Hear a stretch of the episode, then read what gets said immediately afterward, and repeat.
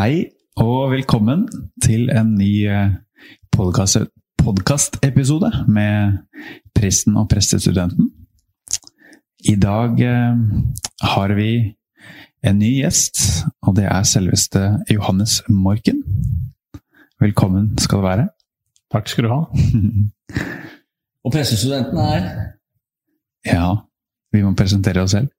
Fredrik, Fredrik Bråtvik. Og presten er Presten er Tor Martin Synnes. Ja. Hyggelig. Ja, Johannes eh, Lørenskauing. Bodde her i Nei, jeg er sogning, bosatt på Lørenskog. Har... Sogning, bosatt på Lørenskog, ja. Ikke sant? Nei, vi kom hit i uh, 96. Vi har bodd her i 25 år. Men er det sånn at du skal hjemover når liksom yrkesliv, eller, eller blir du Jeg er hjemover flere ganger i året. Ja, ikke sant? Hvor på Hvor er du fra? Kom mer konkret. Kommunen heter Luster, helt innst i Sogn. Altså mellom Sogndal og Sognefjellet, for å ta ja. noen geografiske punkt. Altså, det er en fjordarm som går opp mot Jostedalsbreen og Sognefjellet. Det hørtes fint ut. Ja. ja.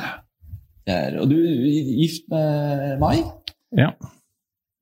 To uh, voksne barn, må jeg selvfølgelig si. De uh, fyller 30 og 28 om et, noen få dager. Ikke sant. Eller jeg har fylt, hun har fylt, og han skal fylle. Peter og Hanna Karoline. Ja. Flott. Du, sånn utdannelse og jobb? Sånn at folk vet hva du driver med, Johannes? Altså, jeg er sånn uh, halvstudert, da. Jeg ble det som heter cand.mag, eller på universitetet, tidlig på 80-tallet, med statsvitenskap og historie og offentlig rett litt tilfeldig fagkombinasjon, men det var liksom i samfunnspolitikk, uh, historieinteressen. Mm. Ja. Mm. Og så hadde du hatt 35 år i vårt land? Ja, jeg jobba i vårt land siden jeg begynte i militæret i 1980 til jeg slutta i 2016. Mm. Da Eller 17, da, helt i starten av 17. Ja. Og det, da har du vært i Stefanusalliansen. Dette skal du komme tilbake til. Ja.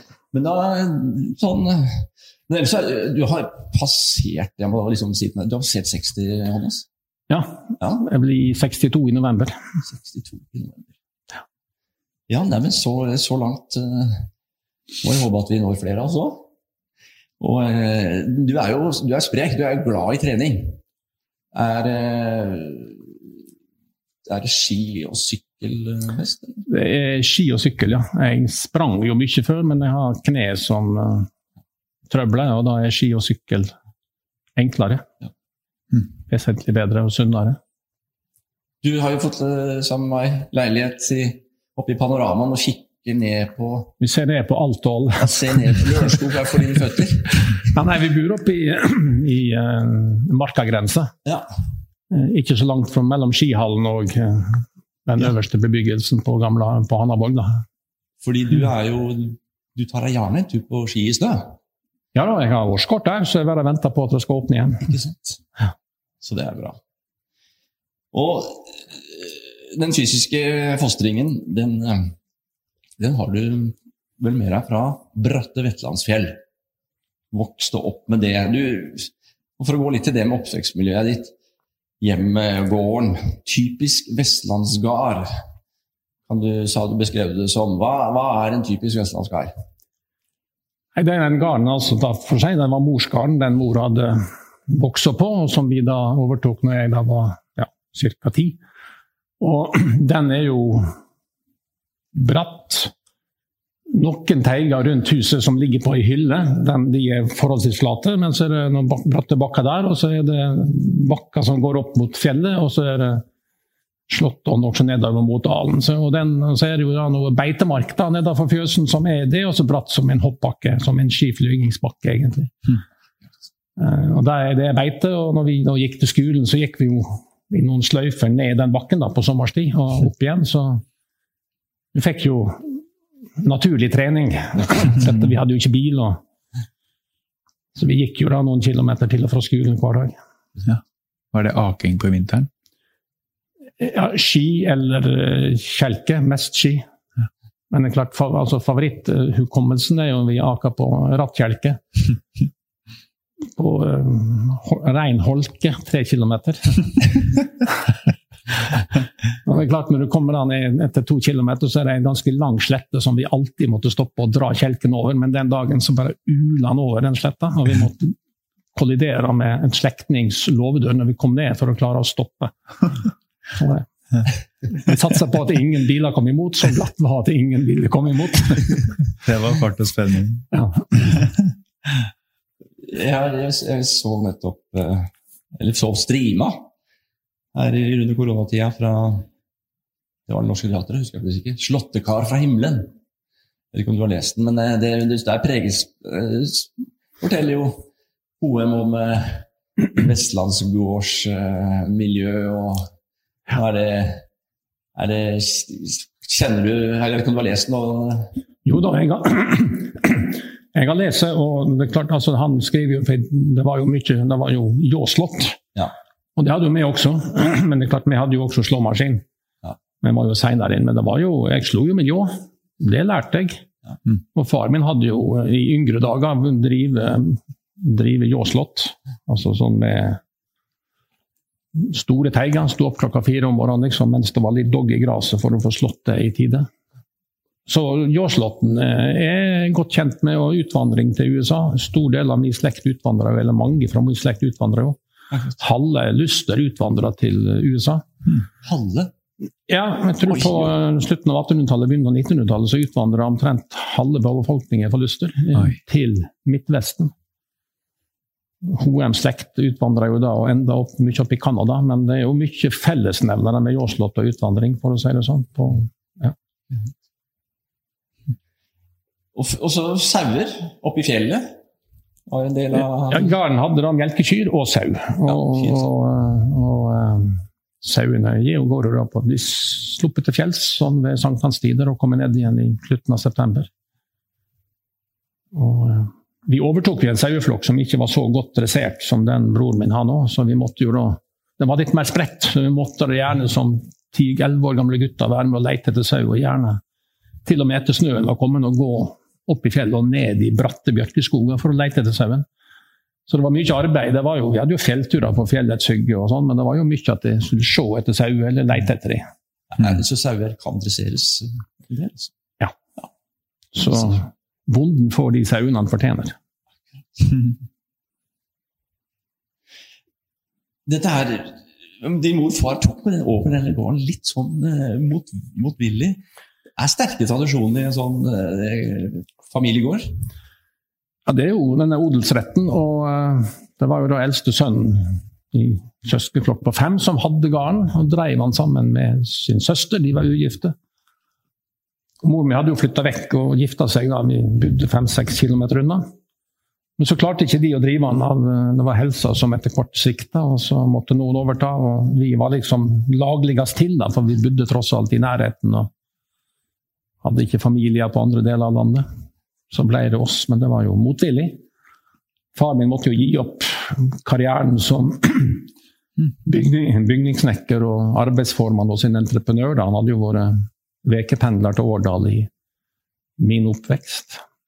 Oppbyggingen av industrisamfunnet. Mm. Og han ville nok heller drive et snekkerfirma sjøl enn å bli bonde. Mm. Men um, plikten dro, så sånn ble det.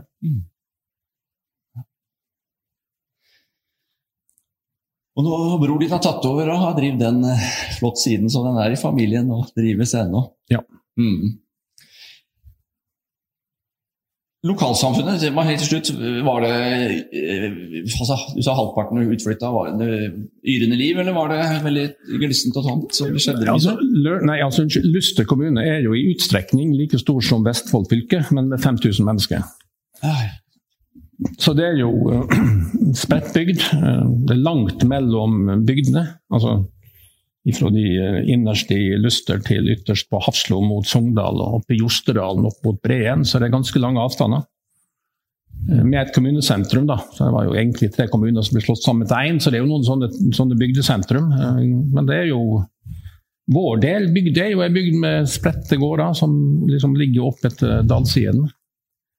Vi hadde butikker og samvirkelag og kirker. Nå er jo da butikkene nedlagt, men bedehusene og kirkene står igjen. Så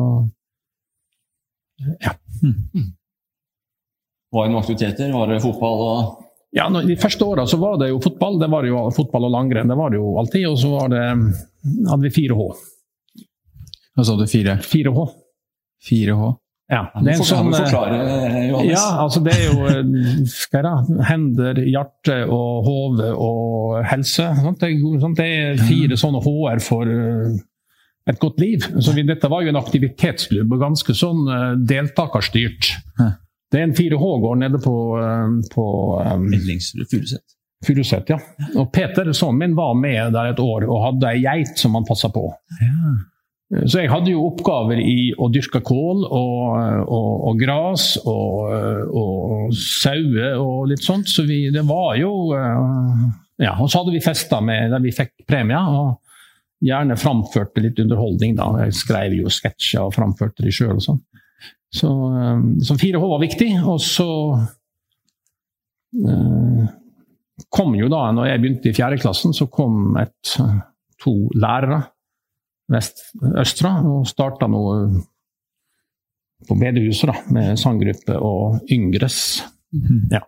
Slik at det ble noe mer barne- og ungdomsaktivitet på, på bedehuset, som ellers var eldrestyrt. Hadde vært før. Mm. Da er vi litt over på, på, på det som jo dette vi vil snakke mest om her, er jo tro.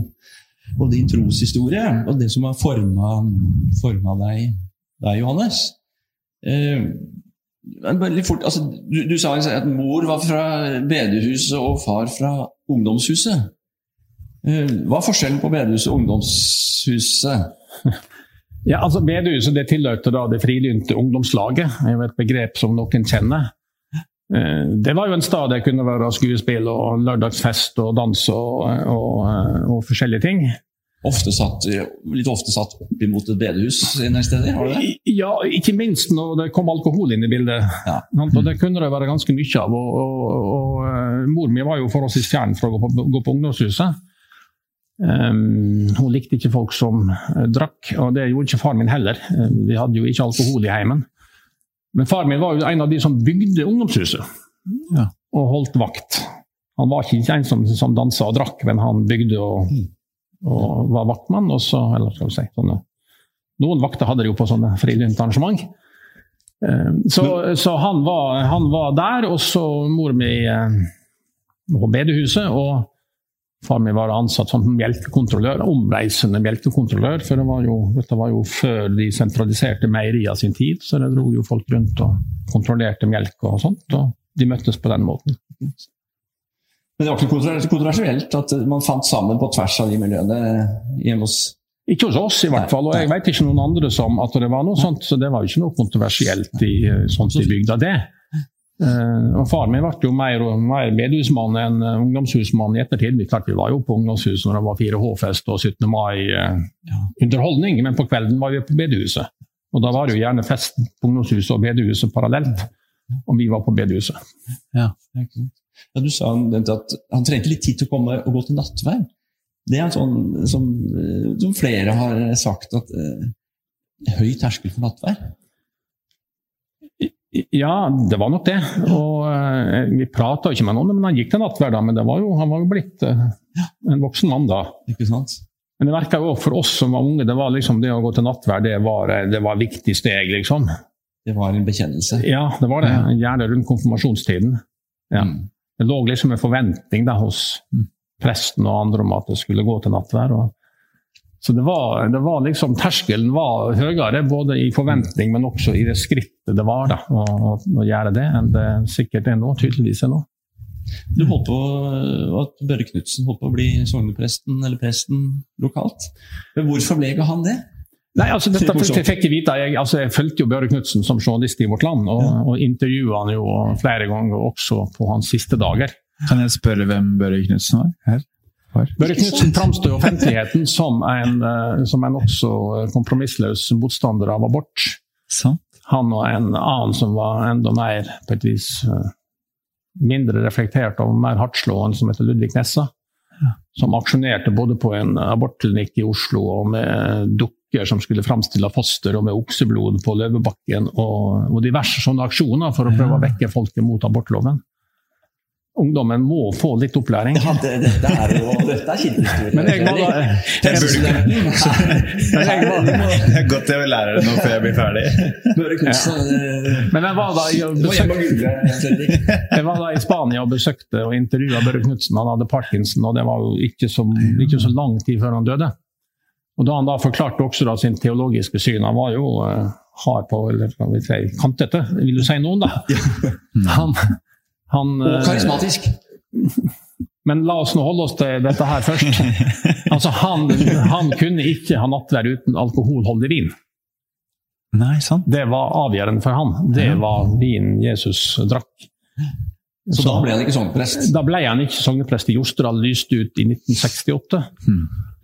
Og Da kom en svært flink og hyggelig og eh, fin kar som heter Jan Klausen, som da er far til en eh, her i menigheten. Så eh, han ble min da ungdoms- og konfirmantprest på 70-tallet, og en venn av familien. Fint. Og ungdomskor i Sogndal da, etter hvert? Ja, vi, vi, dro da og vi dro Vi måtte gjøre på hybel og sånt, men til Sogndal. Og Der var det et bedehus ungdomskor som het Unge Røyster, som var liksom kjent i Indre Sogn. Så der ble vi med alle søsknene og sang på våre stemmer. Ja, Hvor mange søsken var dere? forresten? Tre. Ja. Bror og Bror og ei søster, og jeg er i midten. Du er. Ja. Har du hatt Har det vært en hendelse eller en opplevelse, liksom et, et punkt inni deg hvor liksom troa Noen sier troa ble min, eller man tok et valg om å, om å tro og følge Jesus. Nei. Nei. Nei. De har bare kommet Vært med meg. Jeg vet ikke når det kom, men det har vært med meg. Vært der hele tiden. Mm, ja. Ja. Har du savnet et, et sånt punkt å se tilbake eller, eller ser du eller, eller ser du, opplever du en styrke bare i dette som bare har vært der hele tiden? Det er sikkert. Nei, Jeg orker ikke å spekulere på noe annet. Jeg syns det var helt greit. Enkelt og greit. Ja. Har, har, du tvilt og vært perioder hvor du kristentroen ikke har, altså, har, har vurdert den i oppvekst, ungdomstid, studenttid? Nei, altså det, det, er jo alltid sånn at kan, hvor nær eller fjern du er, og hvor, hvor, tett på du er. Men altså, jeg har aldri hatt noe sånn oppgjør eller noen tvilsperioder eller frafallsperioder. eller noe sånt. Liksom, det, er mer sånn. det blir mer tro på det jevne, da, for å si det sånn. Mm. Ingen store sant? Ingen store åpenbaringsfjell og ingen dype, mørke daler i truas vedkommende. Klart, Livet har jo gått opp og ned, men altså, trua har jo vært der. Stødig steady going. Ja, tror jeg er nok mer stødig enn mann i somme, somme situasjoner, i bølgedaler og sånt, men uh, ja. Mm -hmm. ja. ja. fint. Men uh, hva er det som Hvordan kan jeg stille spørsmålet. Åssen uh, Hva gir deg motivasjon for å tro, på en måte? Hva er det som Eller gir Ja. Hvis det går an. Motivasjonen for å tro. Ja. Hva er motivasjonen din for å tro? Men det er mulig, det. Altså, nei, men det er jo altså, Den enkleste måte å si at altså, hvis, altså, det gir jo livet mening. At det er noe som er At det er mening i skaperverket. At det er mm. mening i livet rundt oss, og mening i det som kommer. Um, det er ikke bare et støvkorn her, og så er det borte. Så det er vel liksom, Hvis du skal se det sånn, da, så er det mening både oppover og bakover og forover. Mm. Mm. Mm. Det Vekkelsene på 70-tallet var du vel du var vel akkurat for ung til, men merker kanskje etterdønningene. Du kom til Oslo etter hvert og uh, opplevde litt uh, disse Guds fred-samlingene i Trefalderkirken. Som, jeg var også der som pur ung. Men da uh, Mye yngre enn deg, Johannes. så- Så du var Ja, nei, det Jesusvekkelsen som kom liksom ikke innover. Det var, var jo mer sentrale fenomen. Nei, så det var, Jeg var innom noen gudstjenester da jeg kom til Oslo i 1980, i Guds fred i Trefoldige kirka, med folk som både satt på gulv og galleri og benke, forholdsvis tett. Så det var jeg borti i begynnelsen av Oslo-tida. Jeg husker, eller jeg, jeg aner meg 70-tallet som sånn Det var et voldsomt som jeg, jeg håper leser om det har forstått det kok av idealisme i mange leirer. Politisk, sosial, etisk. Skaperverket, framtiden i våre hender, oppsto da rundt Amman. Og Ja, da, Jeg var jo mer borti altså, Fremtiden i våre hender, ikke organisert, men altså, jeg leser jo boka til, Mm. til Erik Damman og skrev om dette. Mm. Men det ble aldri en del av en bevegelse. Og Jeg var jo opptatt av målsak og nynorsk, og sånn, men det var, jeg har aldri vært organisert. Verken i, verken i klimakamp eller i språksak, men jeg har liksom vært opptatt av det ved å skrive og prate og sånt. Ja. Så det var jo på gymnastiden. det var jo sånn politikken begynte, ved å være engasjert i det, men uten å være organisert. nå i, i dag, eller i voksenlivet ditt, så har du vel hatt kan, kan beskrive Du kan jo kommentere sjøl, men måte et, et klart bein lokalt. Fjellhamar menighet. Menighetsrådsformann da jeg begynte her, var det i åtte-ti ti år. Ti år. Ti år i strekk. Ja, det var en periode ikke. Altså sek, nei, hva var det? Fire år, og så en periode borte, og så seks år. Og sånn det var. Det var sånn det ble. Sånn. Så de, dine aksjer her og ditt fotfeste her er veldig sterkt. Og så har du også i vårt land eh, satt et veldig syn ut, men ikke minst eh, disse siste fem årene med Stefan Wilhelmsen, Den verdensvide kirke. Ehm, hvordan har de to eh, lokale verdensvide gitt deg ulike ting? Altså, det viktige er lokalkirken. Når vi kom hit, da Vi hadde jo eh, barn som var tre og fem år. Eh, så det var jo viktig å ha ei, eh, ei menighet der det var plass til oss alle. Mm. Og det var jo et veldig godt miljø for familier når vi kom. og det var jo glanstiden kanskje på familiearbeid. eh, Slutten av 90-tallet og begynnelsen på 2000-tallet. Så en, en lokalmenighet med familiepreg og en god forkynnelse og en godt fellesskap, det var liksom det vi fant her da. Og det er jo viktig fortsatt. Og så er det jo det å ha dette her over til den verdensvide kirka. Det er jo masse forskjellige tradisjoner. Selv om jeg er rotfesta i én tradisjon, med litt sånn innslag av forskjellige ting, så er det jo viktig å kunne se utover at verdensvide kirka er vesentlig mer enn noen lutheranere på Fjellhamar. Eller noen pinsevenner en sted. Altså, vi samarbeider jo med ortodokse, koptisk-ortodokse, som altså ortodokse og forskjellige ting. Koptisk, eh, koptisk ortodoks i Egypt og syrisk ortodokse og, og eh, vi samarbeider med katolikker i Pakistan og, og med både pinsevenner og ortodokse i Tyrkia. Baptister andre steder. I Myanmar, f.eks. Og det å se at den verdensvide kirka er noe vesentlig mer enn det vesle, den vesle dammen du er i, da, det er fryktelig viktig. slik at ikke en innbiller seg at han sjøl sitter på alt, alle svar og alle, og alle røtter og alle uttrykk. Så Derfor så er det viktig å ha en ståstad sjøl, men å prøve å, å, dra den verdensvide kirka inn i menigheten har vært viktig. Det har jeg kunnet ha fått bidra til. Uh, Så uh, ja. Og det Det å oppleve, når du møter så forskjellige eller andre tradisjoner, da Enheten eh, og opplevelsen at det er samme, samme troa vi har, med ulike uttrykk. Er det, er det liksom eh, Eller er det veldig forskjellig hvordan, Eller er det, opplever du at jo, dette er bror og søster i troa? Ja, vi, det syns jeg er veldig sånn, i utgangspunktet enkelt å tenke seg. At vi er brødre, men vi har forskjellige uttrykk og forskjellige historier. Mm. Men det er klart, Vi har ikke samme gudstjenesteform. Jeg har vært med på en tretimers gudstjeneste i Egypt. og Det er klart, det var jo mer sånn artig eller eh, fascinerende Mm. å leve seg inn i liturgiske tradisjoner som har gått over mange hundre år. Og som de fortsatt, eh, fortsatt lever ut. og der er jo repetisjon. Sant? Det å repetere sånn, Kyrie og sånt, det er jo ikke bare å holde med én gang, det er kanskje 40 ganger. liksom. Så det er, så det, men det å oppleve det er jo hæ? Etter hverandre? Ja. ja. ja da. Så sant? det å sitte tre timer da, i en litt sånn halvmørk, uh, fin Det er, det er sterkt, det. Men det er klart, jeg vil jo ikke si at vi skal begynne med det samme. Men det å dra inn noen elementer og snakke om folk og fortelle om folk, syns jeg er viktig. Altså, vi beriker vår egen tradisjon uten at vi skal prøve å plutselig gudstjeneste fornye oss ved å gjøre gudstjeneste tre timer. Det er ikke det som er poenget. Men å kjenne fellesskap over grenser. Mm. Og under pandemien har jeg virkelig, virkelig følt på det, for jeg har jo da sittet på hjemmekontor. Men klart, da kan du føle livet lite.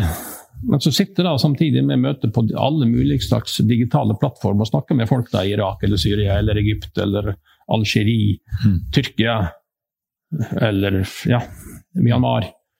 Men det er klart, Da får du en nærhet til det og holder meningen oppe. Det er heimekontor med det, det er ingen utfordring. Altså, dette, våre brødre har det lever i spenninger vi ikke kjenner. Så det å dra inn mening i det, det har vært sterkt. Mm. Så vaksinekøen her kommer vel også et litt annet perspektiv, tenker jeg? Ja, altså jeg fikk jo da en sånn en av de som da fikk feilaktig melding om at nå var det min tur. Bestilte time og sånn, syntes det var litt tidlig, men ok, etter tre timer så ble det avlyst fordi det var, de hadde sendt til feil liste. Og jeg tenkte jeg, mm. greit, jeg var jo ikke forberedt på å få det i kveld, så det er helt greit. Og jeg snakker jo med folk som så vidt, i land som er så vidt i gang med vaksineringen, så er kanskje ferdig med femteparten av folket til nyttår. Og her blir vi ferdig sånn i hovedsak i august. Mm. Ikke noe mas om, ikke noe bråk om i avisen, altså. Nei. La oss roe oss ned litt. Ja. Og la oss gi, gi, vaksine til en fattig del av verden, og ikke ja. si at Norge først. Mm. Solidaritet med, med, med hverandre i, i det, er klart, det er jo også kjent, altså, Viruset kjenner ingen landegrenser, og det er ganske viktig at vi ikke isolerer oss. Det er klart Vi må ha noen andre former for reisevaner og kontroll og smittevern, men det, fellesskap over grenser må vi bygge ut og ikke innskrenke. Mm. Du har hatt 35 år i vårt land, Johannes. Og det har liksom vært sted hvor kristen tro, kristne verdier eh, brytes og, og, står i en dialog og kamp med samfunnet og veivalg i samfunnet. Prinsipper, verdier, etisk. Eh, og du har jo særlig hatt eh, noen Midtøsten og jødene, Israel, genteknologi og så var du som debattleder av Verdidebatt de siste fem årene, tett på kristen tro og sånn samtaler rundt det på Verdidebatt. Uh, flere ting forresten uh, på lista der som du særlig jobbet med? Nei, det var liksom det var liksom tru og gener og jøder. Det var liksom det det gikk på. da, sånn som var. ja, dekka mye, da. Ja, ja, politikk og sånn. Jeg var på Stortinget noen år også for vårt land, men det blir liksom sånn, ok, det var det var noe som fulgte meg tvers igjennom. Ja, ikke sant. Fra en gang tidlig på 80-tallet til vi slutta i 16. Eh, hva, hva har Går det å trekke en stor linje? Hva har endret seg? Er Kirken mer marginalisert? Ute av majoritetsposisjon, på godt og vondt, sikkert? Altså, det som har skjedd i den perioden, er at den er blitt, liksom, den er blitt deprivilegisert. Altså, den har mista en del privilegier som å være statskirke med alt det medførte seg. Og det mener jeg er, på mange måter er bra. Mm. Eh, at han ikke er bunden til politisk makt. Mm. Og da er det jo sånn, og så er det jo samtidig den sterke debatten at ok, da blir egentlig samfunnet avkristna ved at eh, de statlige maktprivilegiene blir lagt bort. Men det er jo fryktelig mye opp til oss som kristne. Klarer vi å gjøre troa relevant uten å ha en, et privilegium, en maktposisjon, en flertallsposisjon som gir oss privilegium? Mm. Så det er jo opp til oss egentlig å fylle det vakuumet som privilegiene Eller vi mister gjennom bortfall av privilegium. Og det er ikke sunt i lengden at vi er i en majoritetsposisjon som gir oss makt og sånn. Så jeg, men det er klart det utfordrer oss til å gjøre trua relevant på andre måter enn gjennom makt. Og, uh, en kristen dagspresse vil da ha en like, og kanskje enda mer viktig rolle da. ikke sant? Eller som den alltid har hatt, til å løfte det kristne perspektivet og verdier. og tradisjoner. Ja, en kristen dagspresse, men også vi må gjøre bruke lokalpressa og bli relevant på den måten. Og bli relevant i, i bygda uten at vi liksom skal bli vi skal, ikke bli, vi, skal liksom, vi skal ikke være folkereligionen, vi skal være ei folkekirke som da har et meningsfylt budskap. Og som utfordrer, utfordrer makt også, og ikke bare prater makta etter, etter Vi har jo da en, Det er jo 250 år for Hans Nilsen Hauge i år. altså Han, han vet jo hvem jeg er. Ja, han vet hvem jeg er. Men stille, er de på lik linje? Hæ? Er Børre Knutsen og Hans Nilsen Hauge er de like kjent? Burde jeg visst. Nei, nei, nei altså, jeg, jeg skal ikke legge meg du, hva du burde, men jeg, jeg bare håper på at du kjente han. da, Hans Ja, han- Hauge. Og altså, klart at han, Vi har jo da hatt 17. mai. Ja. og altså, Hadde hørt, hadde hørt 17. mai-taler som ja, Alle snakker jo om fred og frihet og demokrati og sånn. Men har jeg hørt folk snakke om Hans Nilsen Hauge som satt i fengsel, eller som, som da var fengsla og fortsatt ikke var en fri mann Mm. når Grunnloven ble til? Mm. Har det vært del av 17. mai-talen du har hørt, eh, Joakim? Fredrik? Fredrik? Fredrik, unnskyld. Sorry. Um, Klipp vekk det. jeg hørte Fort gjort. Ja. Jeg eh, Det kan være Ja, jeg tror han var innom den Philadelphia-kirkens tale som jeg hørte. ja, nettopp. Ja, for det var at Det er sikkert unntaket. Det tror jeg er unntaket. Um, Så det er sant, det, det var På den tida hadde vi virkelig en maktkirke.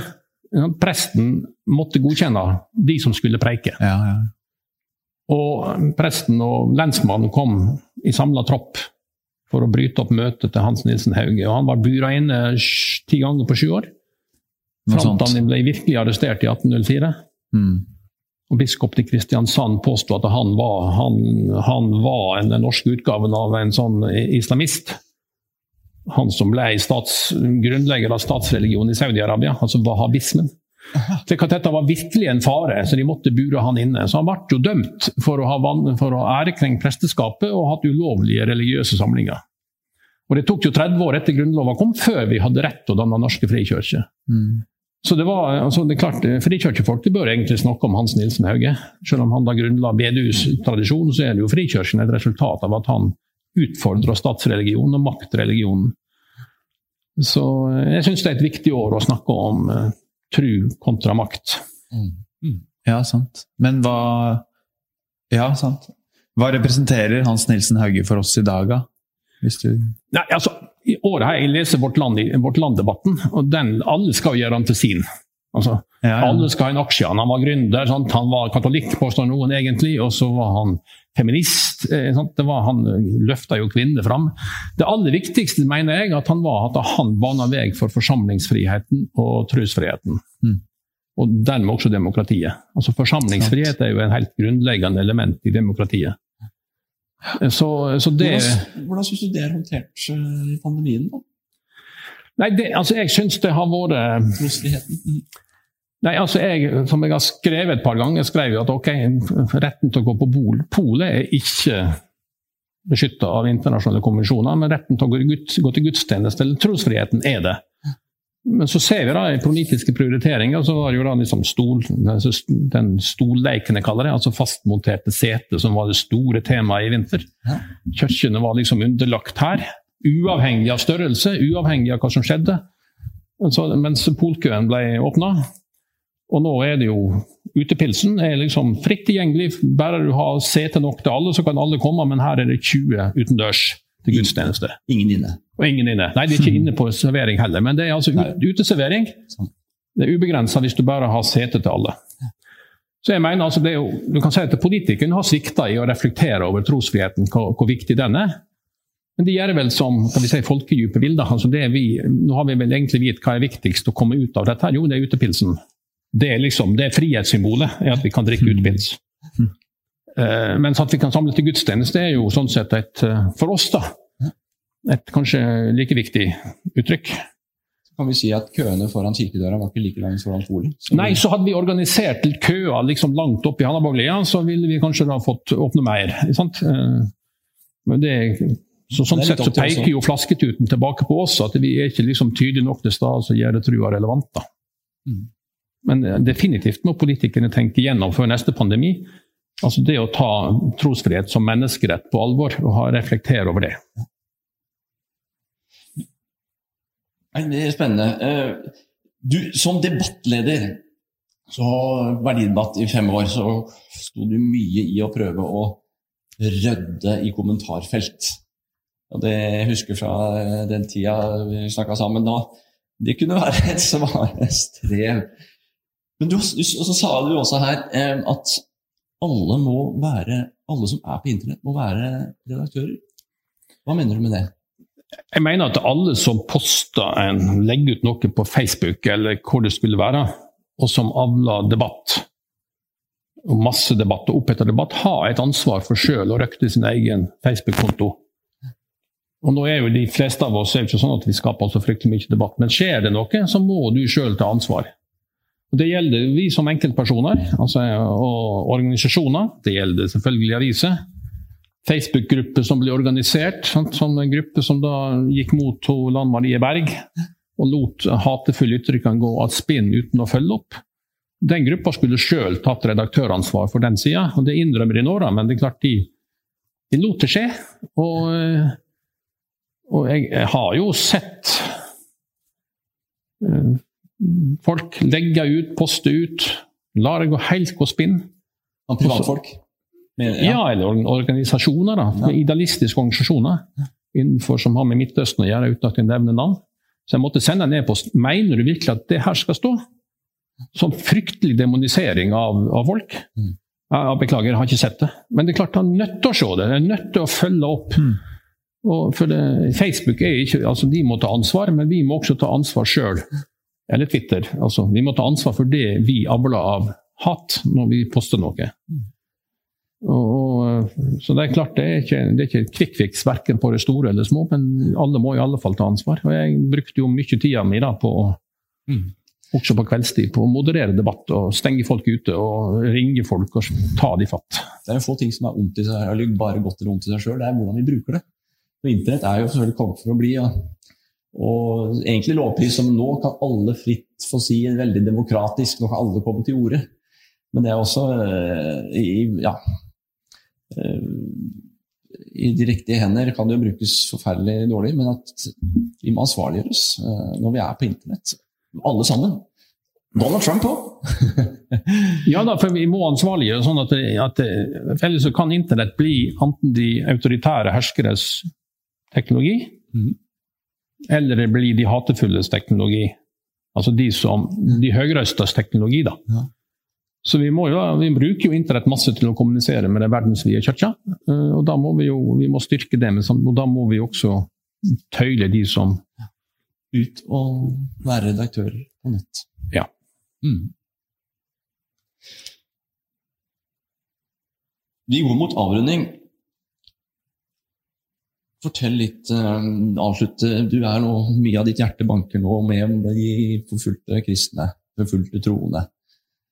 Og du har opplevd mange ting, men ikke minst denne Hva skjer i f.eks. Irak? Det klosteret du var og besøkte, Johannes Steff, er en, synes jeg, sterk historie. Du kan jo gjerne si noe om Stefanius-alliansen nå, eller hvordan organisasjonen det er. Stefanius-alliansen starta som misjon bak jernteppet i 1967. Og Da var det jo å hjelpe forfulgte kristne bak jernteppet, det som kløvde i Europa. Eh, fram til 1989. At på østsida var det Sovjet og de landene som var i, eh, i Sovjetunionens favntak. Den kommunistiske delen av Europa og Sovjetsamveldet.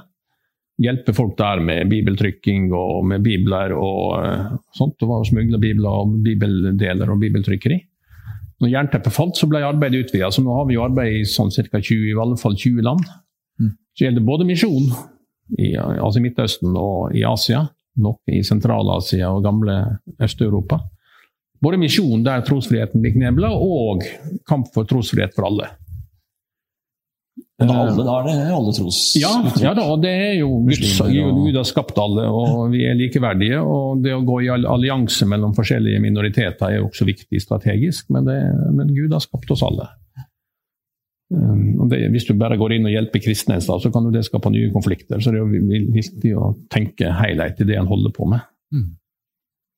Det var om Stefanusalliansen, og ditt spørsmål det var Dette klosteret i Irak som et eksempel på Ja, og altså det her er jo, altså Irak eh, har jo hatt kristen tro siden apostlenes dager. Dette er, ikke, dette er ikke et område som vestlig misjon bygde til. Jeg besøkte et kloster i Nord-Irak som heter Marmatai, eller Sankt Matteus.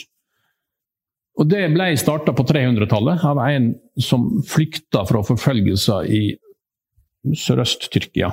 Der er også ganske krevende i dag. Han flykta inn i Irak og starta et kloster. og Det har vært levende klosterliv, og klosteret har blitt utbygd siden 360, tror jeg. Og Det har jo vært et ressurs, en ressurs der, og stort kristent omland som har støtta klosteret og holdt liv i klosteret. Når IS, denne her, uh, islamistene, kom med draps... Uh, drapsgruppene sine i 2014, så var det nummeret før at klosteret ble tatt og munkene ble martyrer. For IS-soldatene angrep. Men de kurdiske styrkene da, som holdt grensa Jeg har stått på klosteret og sett ned der kampene sto. De klarte å slå IS tilbake flere ganger. Så, så de ikke tok klosteret. Så det var jo sånn sett et håp. Klosteret ble et håpskloster fordi de overlevde og hadde den lange historien. Men nå er det jo såpass få kristne igjen i Irak. Det har jo blitt 1,3 millioner på 90-tallet, og nå er det 200 000 igjen, 250 000 igjen. Mm. Så de er jo litt bekymra for hvor lenge klarer de å holde klosteret i gang, for det er såpass få som støtter opp under klosteret. Hvorfor, hvorfor er det færre kristne? Er det færre som tror, eller? Nei, ja, Det har jo vært under press gjennom 100 åra, og så kom den amerikanske invasjonen som utløste borgerkrig mm. mellom shia og sunnimuslimer, og et uh, voldskaos. Og kristne kom, og andre minoriteter kom i klem, og mange flykta eller flytta, emigrerte ut til nabolandene eller til Europa og andre steder. Og så kom eh, så ble borgerkrig i 2006, da, etter den amerikanske invasjonen. Og så kom IS og fordreiv nye. Så nå er det altså 250 000, 250 000 igjen. Og det er klart det er en del nye konvertitter som kommer til tru. De vet jo ikke all verden som i omfang, men vi kjenner jo en del av de. Men Derfor så er jo det jo en, både en blanding av islamsk press og undertrykkelse og amerikansk bombing som gjør at det er færre kristne. Mm. Så nå er det spennende om klosteret får direkte videre? Ja, de som, når vi var der, det er jo blitt et par år siden, var, eh, vi snakka med han da som var klar til å bli martyr. Han så IS-soldater at hvis han visste det kom, så ville han bli drept. Han er jo spennende. Liksom, hvor lenge klarer klosteret, som har holdt på da i 1600-1700 år, holde, holde seg? Fordi det kristne omlandet er Det er mer kristne trenger støtte for klosteret enn motsatt. Mm. Mm. Så vi har jo et ansvar for å støtte dem og rope dem og hjelpe dem. Fortelle hva som skjer. Det er viktig et bibelvers, Johannes. Jeg har spurt deg å spør gjestene våre om å dele et bibelvers. Ja, altså, Tida flyr. Tida går fort. Vi må bare liksom runde av. Ja, nei, altså noe sånt det, altså Jeg har vel akkurat ikke det ene verset, jeg kan si, liksom, men er mange vers. Men jeg har valgt ut ett av de da. Og jeg har jo tatt uh, rett og brillene her. Johannes 17, vers 3. Altså, Johannes 17, nå snakker du om da evangeliet Johannes. Nå snakker vi om evangeliet til Johannes. Og dette er det evige livet, at de kjenner deg, den eneste sanne Gud, og Han du sender, Jesus Kristus. Hmm. Det er Hva sier det deg særlig? Nei, det er jo en trosbekjenning i det. Altså, det er jo Jesus som um, han, jo, eh, han, ber jo for alle sine. Dette er jo da en del av hans store bønn. Så det inngår jo på et vis, det. da. Altså, han ba for sine før han skulle gå bort. Um, så det ligger jo Ja. Mm. Det er på en måte kjernen i Jeg ser for meg hvordan det er kjernen i troa vi deler i en verdensvid kirke, fra Fjellhamar til Kina, Syria, Egypt, ja. Amerika. Ja, så dette er jo da det er jo vers som jeg kan kjenne igjen når jeg kommer da til Libanon eller Irak mm. eller Syria eller som er Jesus ber for alle sine, og det er altså ikke bare for sine i Fjellhamar kirke, men det Går det, si kort, går det an å si noe kort om å kjenne Jesus? Hva, det, hva ligger bak det? Det er sikkert mange som har et mye mer inderlig forhold til dette enn meg, da, men altså det er jo vite at han er frelser, og en du kan be til i tunge stunder, og være sammen om på tvers av grenser. Som binder oss sammen på tvers av alle skiller. Mm. Fint. Ja. Da er vi kanskje ved veis ende i denne samtalen. ja. Det er vi. Takk, Johannes. Det var spennende og fint. Håper dere lyttere har eh, kost dere like mye som oss. Fredrik og jeg, presten og prestestudenten, vi håper å være tilbake. Vi Mhm. prøver oss videre med denne podkasten som vi kan bli litt kjent med flere i med. Det har vært ja. veldig fint å bli kjent med Johannes. Ha det godt. Ha det bra, dere. Ha det godt.